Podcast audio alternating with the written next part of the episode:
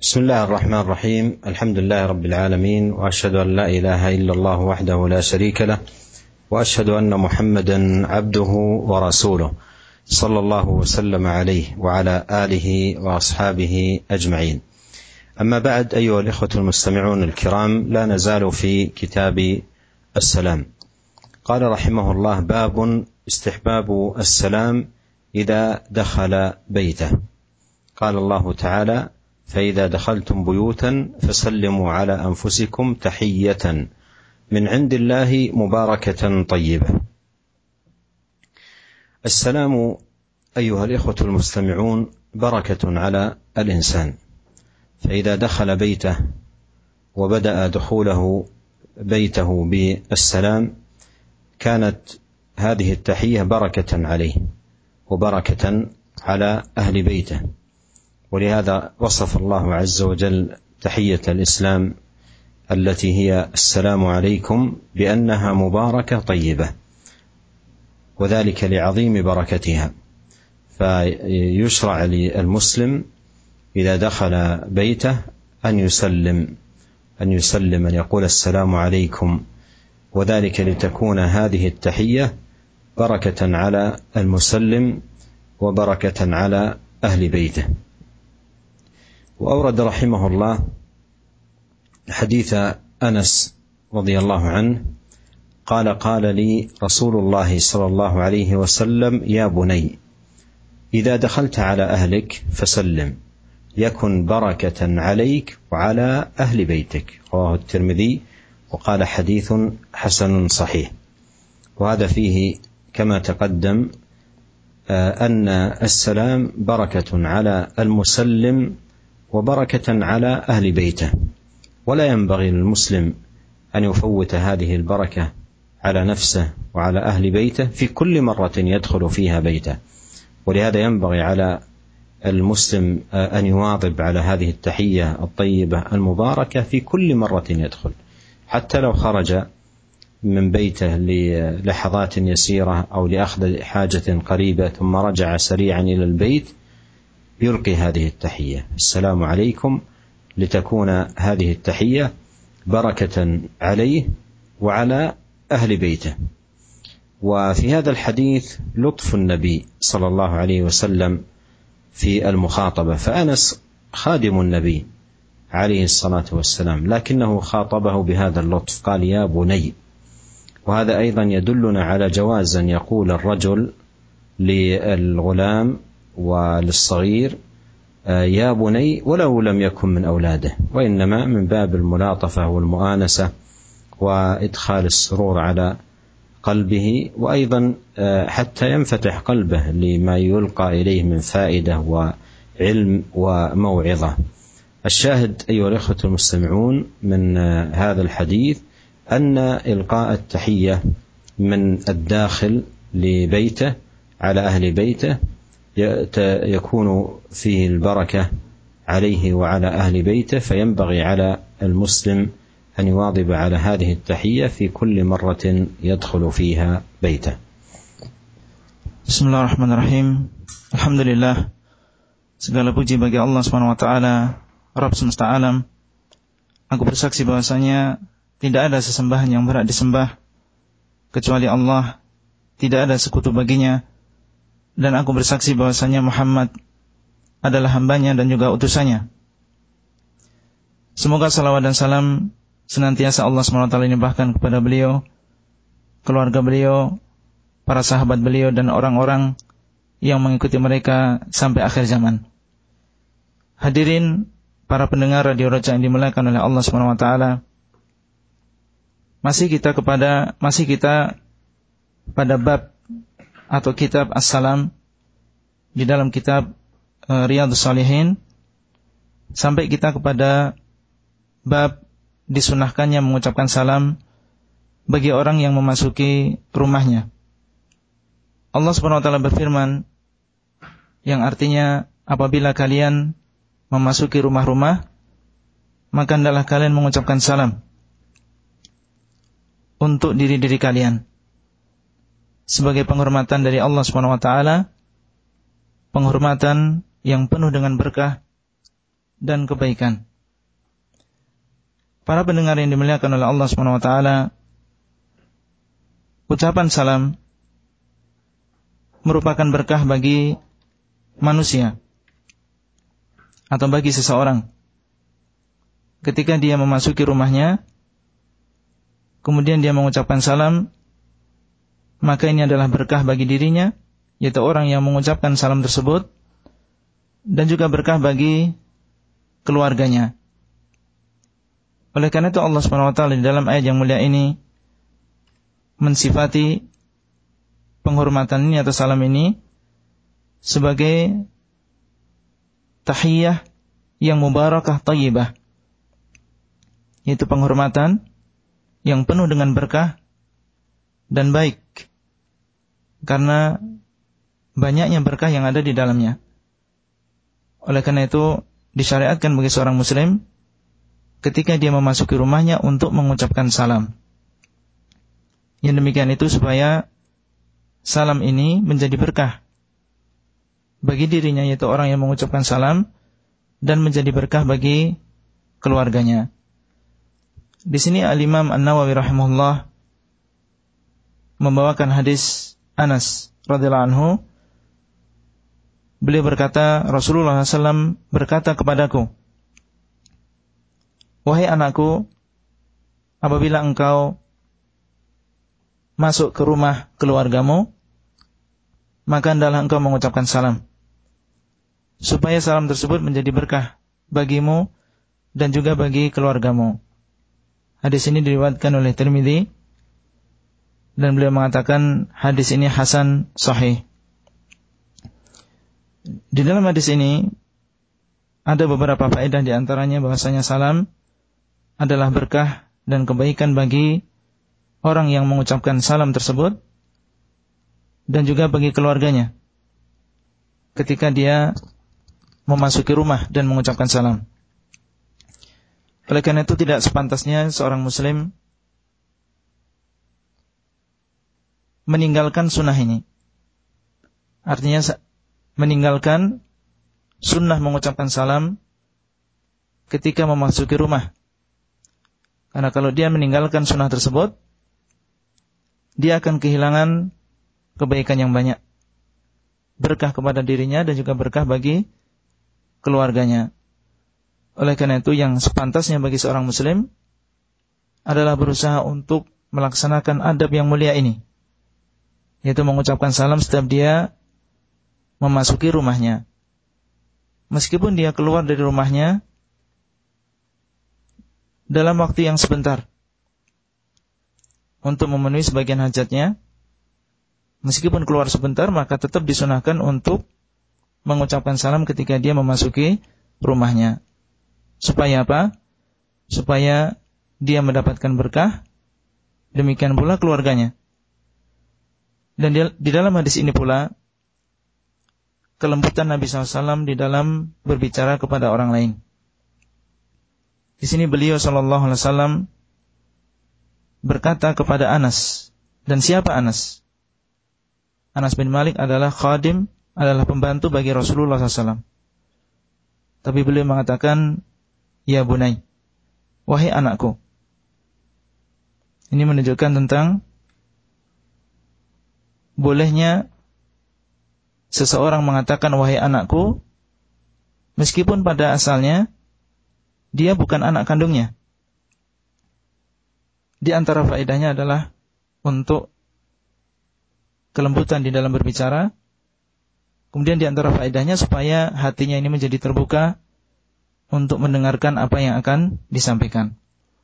Syahid dari hadis ini bahwasanya mengucapkan salam ketika memasuki rumah adalah merupakan berkah bagi orang yang mengucapkan salam tersebut dan juga bagi keluarganya. Dan hendaknya seorang muslim menjaga adab yang satu ini. قال رحمه الله تعالى باب السلام على الصبيان أورد تحت هذه الترجمة حديث أنس رضي الله عنه أنه مر على صبيان فسلم عليهم وقال كان رسول الله صلى الله عليه وسلم يفعله متفق عليه. هذا أيها الإخوة الكرام فيه اولا كمال خلق النبي صلى الله عليه وسلم وعظيم أدبه وحسن ملاطفته للصغار. وثانيا فيه تعويد للصغار والصبيان على تعلم هذه السنن والتأدب بآداب الشريعة وأخلاقها العظيمة. وفيه إدخال السرور على نفوس هؤلاء الصبيه لأن إلقاء الكبير السلام عليهم. فيه مؤانسة لهم وإدخال للسرور على أنفسهم. وكذلك من آثار إلقاء السلام على الصبية أن الصغير ينشأ متحليا بهذه الآداب. ينشأ متحليا بهذه الآداب متأدبا بها. فإذا بلغ سن التكليف يبلغه وقد تربع الأخلاق الفاضلة والآداب الكريمة. فكم لهذا التعامل من أثر عظيم ونفع مبارك على الصبية. Kemudian bab selanjutnya adalah bab mengucapkan salam kepada anak-anak kecil. Dari Anas radhiyallahu anhu bahwasanya beliau melewati beberapa anak kecil kemudian beliau mengucapkan salam kepada mereka. Kemudian beliau mengatakan, dahulu Rasulullah SAW melakukan hal ini. Hadis ini muttafaqun alaih, diriwayatkan oleh Bukhari dan juga Muslim. Para pendengar yang dimuliakan oleh Allah SWT, di dalam hadis yang mulia ini ada beberapa faedah yang bisa kita ambil. Di antaranya adalah kesempurnaan akhlak Nabi SAW dan keagungan adab-adab beliau dan baiknya muamalah beliau kepada orang lain.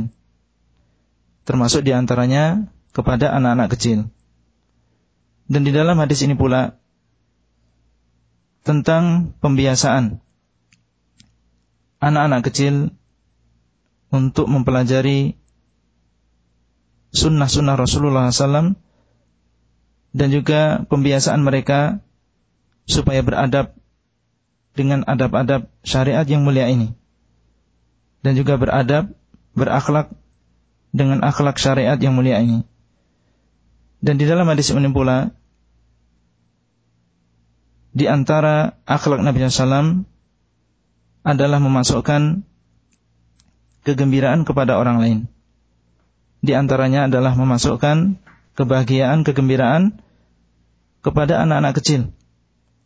Karena apabila ada seorang yang sudah dewasa mengucapkan salam kepada mereka yaitu anak-anak kecil, maka perilaku ini atau adab seperti ini akan memberi, memberikan kebahagiaan, kegembiraan tersendiri bagi mereka.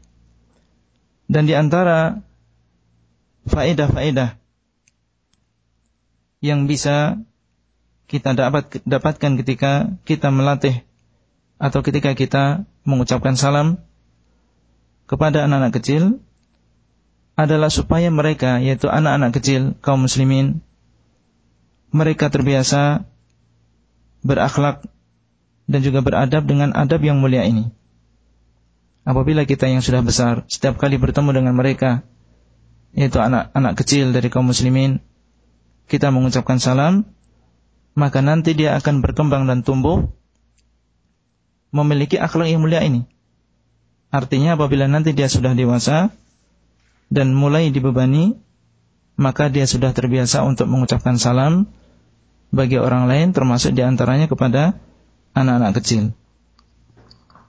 قال رحمه الله تعالى باب سلام الرجل على زوجته والمرأة من محارمه.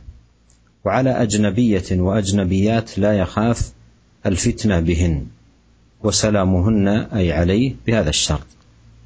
هذه الترجمة عقدها رحمه الله فيما يتعلق بسلام الرجل على المرأة وسلام المرأة على الرجل.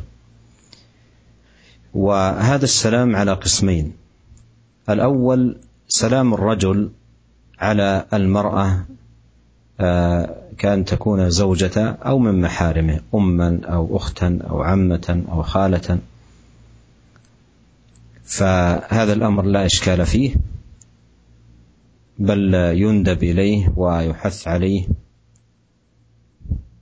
والقسم الثاني السلام على الأجنبيات. وهذا الأصل فيه. المنع خوف الفتنة. خوف الفتنة. فإذا أمنت الفتنة كأن تكون آه، المرأة آه، كبيرة سن أو من القواعد من النساء أو نحو ذلك فتؤمن الفتنة فإنه يلقي عليها آه، السلام. فإنه يلقي عليها السلام.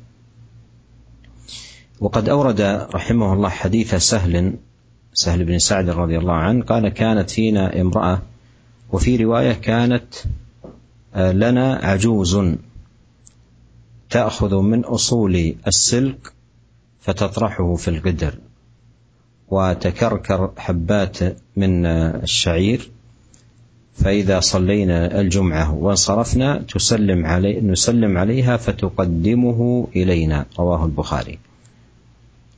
وقوله آه، تكركر أي تطحن. تطحن آه، حبات من الشعير. تطحن حبات من الشعير مع أصول آه، السلك. والسلك نوع من الخضروات نحو الجرجير ونظائره من الخضروات. فيقال له السلق. فتطرحه في القدر وتطحن معه حبات من الشعير.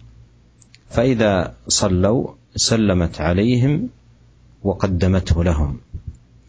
وهذا يبين الحال التي كانوا عليها من الفقر وقلة ذات اليد في الطعام الذي يأكلونه بعد صلاة الجمعة آه، مكون من وصول آه، السلق مع قليل من حبات الشعير تطحن وتجعل معه وتجعل معه. والشاهد فيه مشروعية السلام على المرأة عند أمن الفتنة كأن تكون كبيرة كما في هذا الحديث. قال كانت آه، لنا عجوز أي كبيرة سن فإذا أمنت الفتنة فإنه يسلم عليها Bab yang selanjutnya adalah bab salam seseorang, seorang laki-laki kepada istrinya dan juga kepada wanita yang termasuk mahramnya dan juga salam seorang laki-laki bagi wanita asing yang tidak ditakutkan fitnah dan juga salamnya para wanita kepada laki-laki asing dengan syarat ini yaitu apabila aman dari fitnah.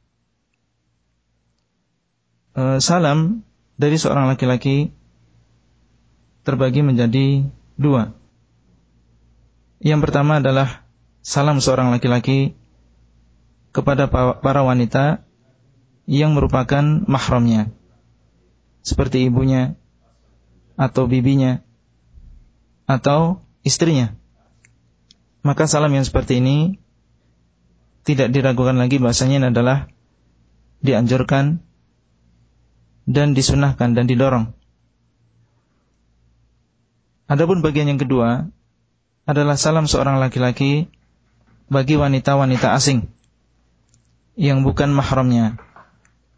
Maka pada asalnya hal ini dilarang karena takut terjadi fitnah.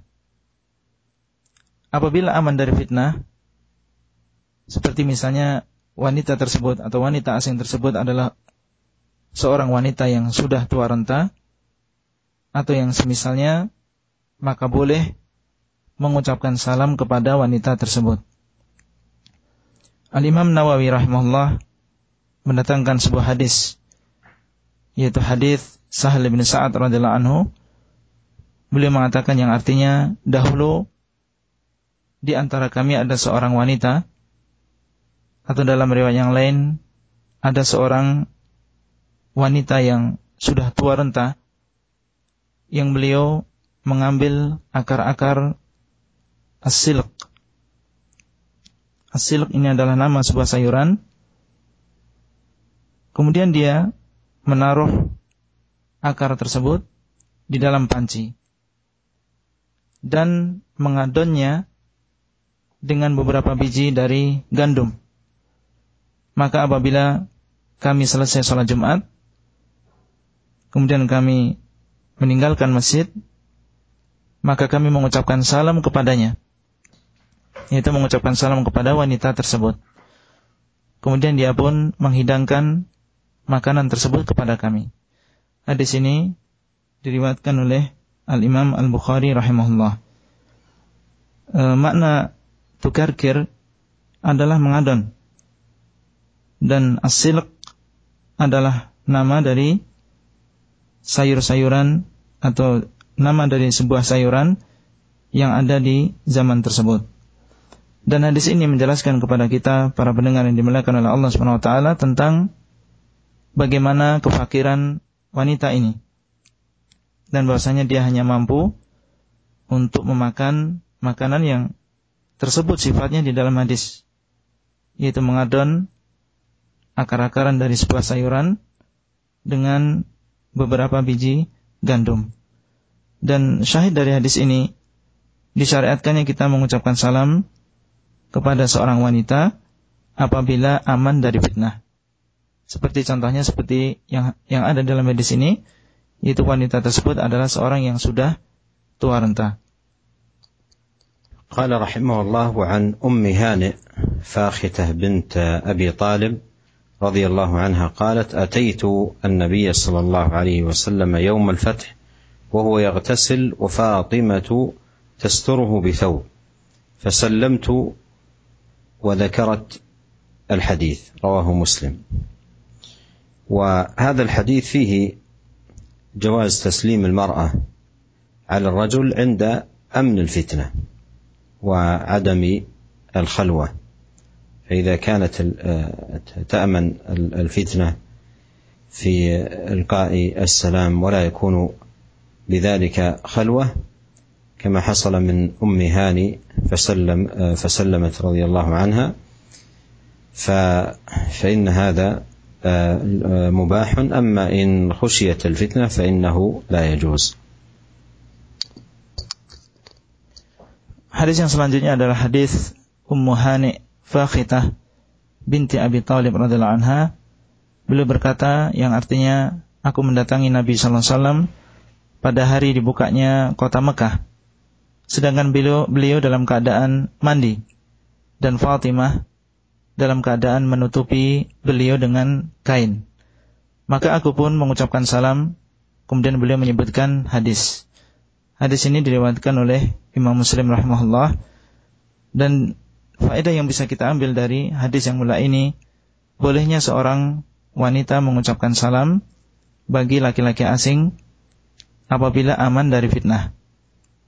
Dan tidak ada di sana apa yang dinamakan dengan khalwah, yaitu menyendiri. Kapan diperbolehkan? Apabila aman dari fitnah. Dan tidak ada khalwah seperti yang terjadi pada Ummu Hani di dalam hadis ini. Ini menunjukkan tentang bolehnya seorang wanita mengucapkan salam bagi laki-laki asing apabila aman dari fitnah. قال رحمه الله تعالى وعن أسماء بنت يزيد رضي الله عنهما قالت رضي الله عنها قالت مر علينا النبي صلى الله عليه وسلم في نسوة فسلم علينا. رواه أبو داود والترمذي وقال حديث حسن. وهذا لفظ أبي داود ولفظ الترمذي أن رسول الله صلى الله عليه وسلم مر في المسجد وعصبة من النساء قعود فألوى بيده بالتسليم. وهذا في إسناده كلام لكن على ثبوته فيه أن إلقاء السلام على النسوة إنما يكون مع أمن الفتنة وإلا فإن خشيت الفتنة على الرجل أو على النسوة فإن ذلك لا يجوز درءا لها Hadis yang selanjutnya adalah hadis Asma binti Yazid radhiallahu anha. Beliau berkata, Nabi SAW melewati kami, yaitu sekelompok wanita, kemudian beliau mengucapkan salam kepada kami. Hadis ini diriwayatkan oleh Abu Dawud dan Tirmidzi dan beliau mengatakan hadis hasan dan ini adalah lafaz dari Abu Dawud. Adapun lafaz Tirmidzi bahwasanya Rasulullah SAW melewati sebuah masjid atau melewati masjid pada suatu hari dan di sana ada beberapa kelompok atau beberapa orang wanita yang sedang duduk. Maka beliau beliau pun sallallahu alaihi wasallam memberikan isyarat dengan tan tangan beliau sebagai isyarat mengucapkan salam. E, hadis ini di dalam isnadnya ada pembicaraan dan seandainya hadis ini adalah hadis yang sahih yang tetap dari Nabi SAW maka di antara faedah yang bisa kita ambil bahwasanya mengucapkan salam dari seorang laki-laki kepada wanita yang bukan mahramnya ini diperbolehkan apabila aman dari fitnah. Dan apabila tidak aman dari fitnah, maka yang demikian itu tidak diperbolehkan. قال رحمه الله تعالى باب تحريم ابتداء الكافر بالسلام وكيفية الرد عليهم واستحباب السلام على أهل مجلس فيهم مسلمون وكفار قال رحمه الله عن أبي هريرة رضي الله عنه أن رسول الله صلى الله عليه وسلم قال لا تبدأ اليهود ولا النصارى بالسلام فإذا لقيتم أحدهم في طريق فاضطروه إلى أضيقه رواه مسلم. وفي هذا الحديث دلالة أن الكافر لا يجوز أن يبدأ بالسلام لا يجوز أن يبدأ بالسلام وذلك أن السلام إكرام آه، للمسلم عليه ولا لا يجوز أن يبدأ بذلك لا يجوز أن يبدأ بذلك ولهذا قال عليه الصلاة والسلام لا تبدأوا اليهود والنصارى بالسلام ولكن لو تلطف معهم تأليفا لقلوبهم إلى الإسلام كان يقول كيف أصبحت أو كيف أمسيت أو كيف حالك أو كيف أنت أو نحو ذلك فلا بأس بذلك لكن لا يجوز أن يبدأ الكافر بالسلام Bab yang selanjutnya adalah bab diharamkannya kita memulai salam kepada orang kafir. Dan juga bagaimana cara kita menjawab salam mereka dan disunahkannya kita mengucapkan salam kepada sebuah majelis yang di dalamnya ada orang Islam dan juga orang kafir. Hadis yang pertama adalah hadis Abu Hurairah radhiallahu anhu bahwasanya Rasulullah SAW bersabda yang artinya janganlah kalian memulai Yahud dan juga orang-orang Nasara dengan salam. Maka apabila kalian bertemu dengan salah satu di antara mereka di sebuah jalan, maka hendaklah kalian persempit jalannya. Hadis ini diriwayatkan oleh Imam Muslim rahimahullah. Hadis yang mulia ini menunjukkan kepada kita bahwasanya kita sebagai seorang muslim tidak boleh mengucapkan salam terlebih dahulu kepada orang-orang kafir. Yang demikian itu karena salam ini adalah bentuk penghormatan. Bentuk penghormatan kepada orang yang kita salami.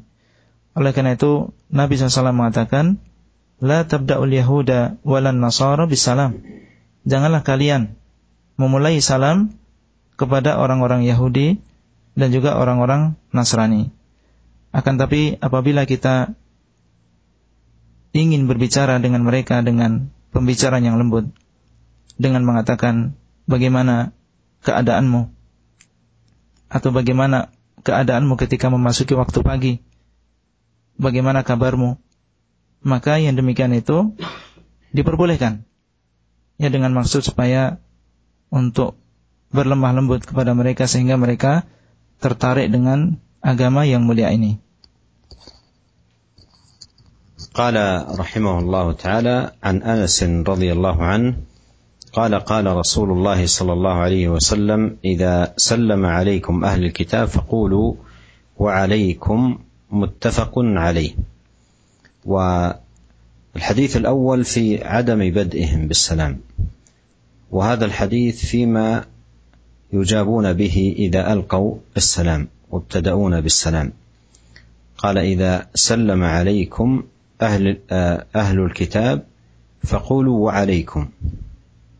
لا يقال وعليكم السلام وإنما يقال وعليكم.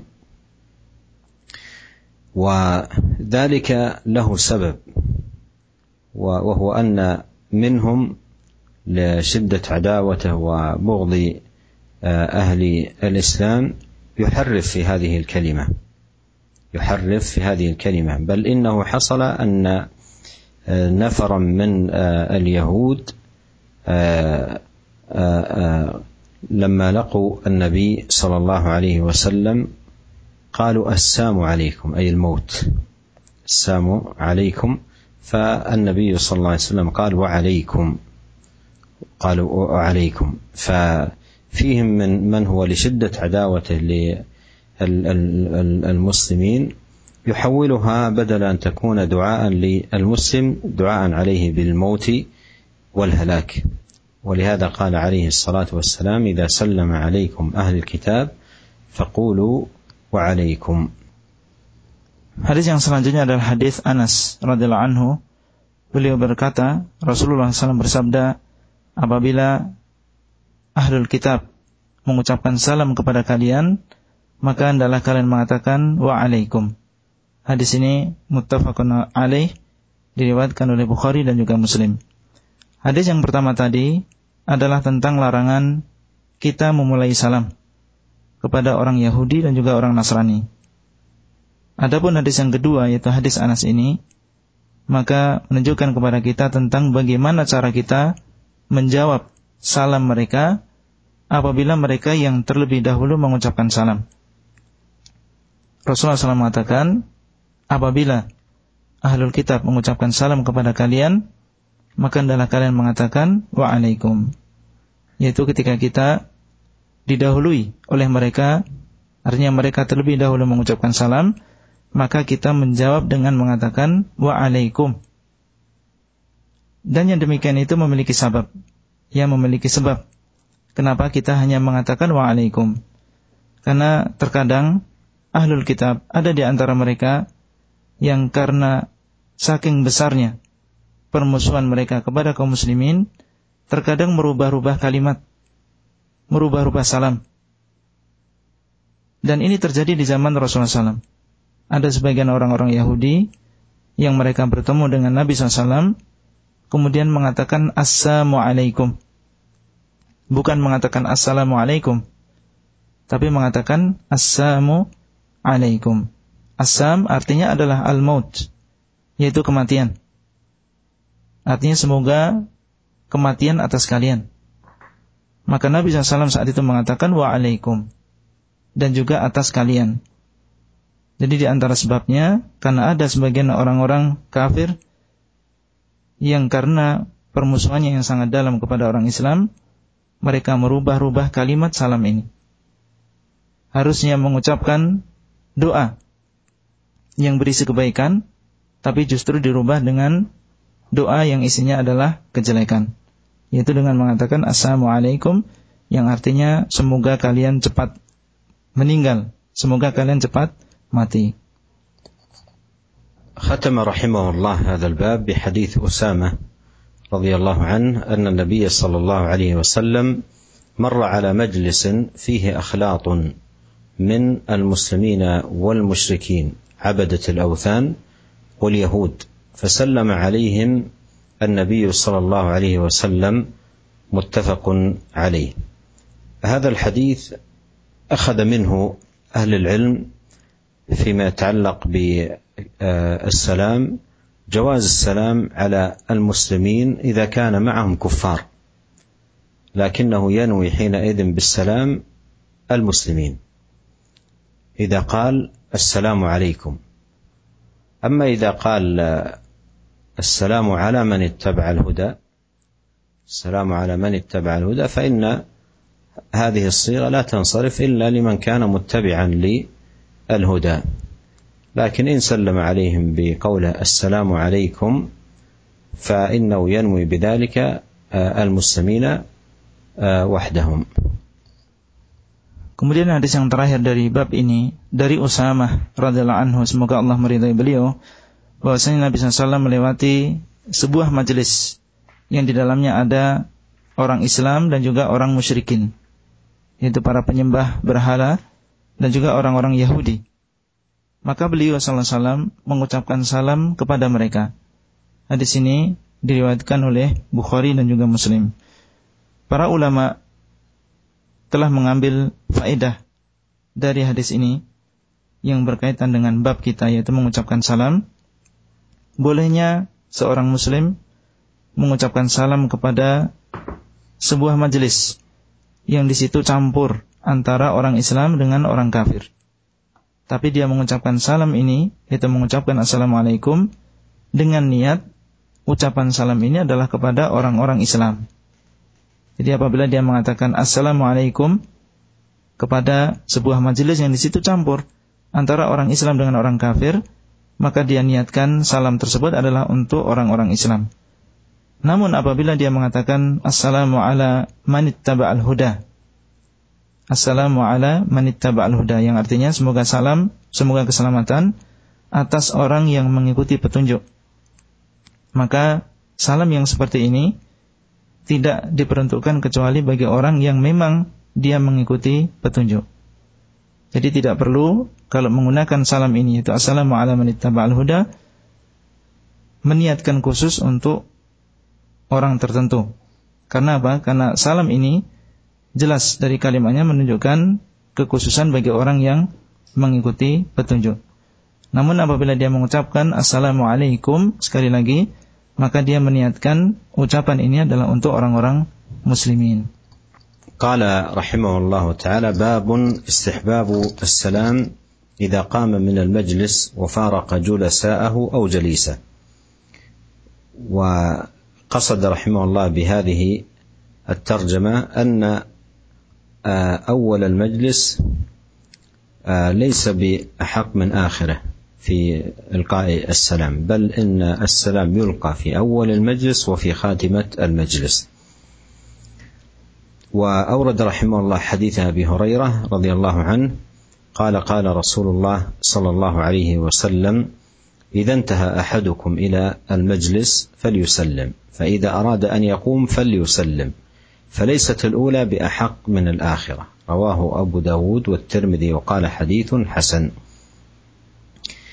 وهذا الحديث أيها الإخوة المستمعون الكرام من كمال الشريعة شريعة الإسلام. وكمال العدل في هذه الشريعة حيث إن السلام مطلوب في مبتدأ المجلس ومنتهى. ولهذا انظر هذا العدل العظيم في قول النبي صلى الله عليه وسلم فليست الأولى بأحق من الآخرة.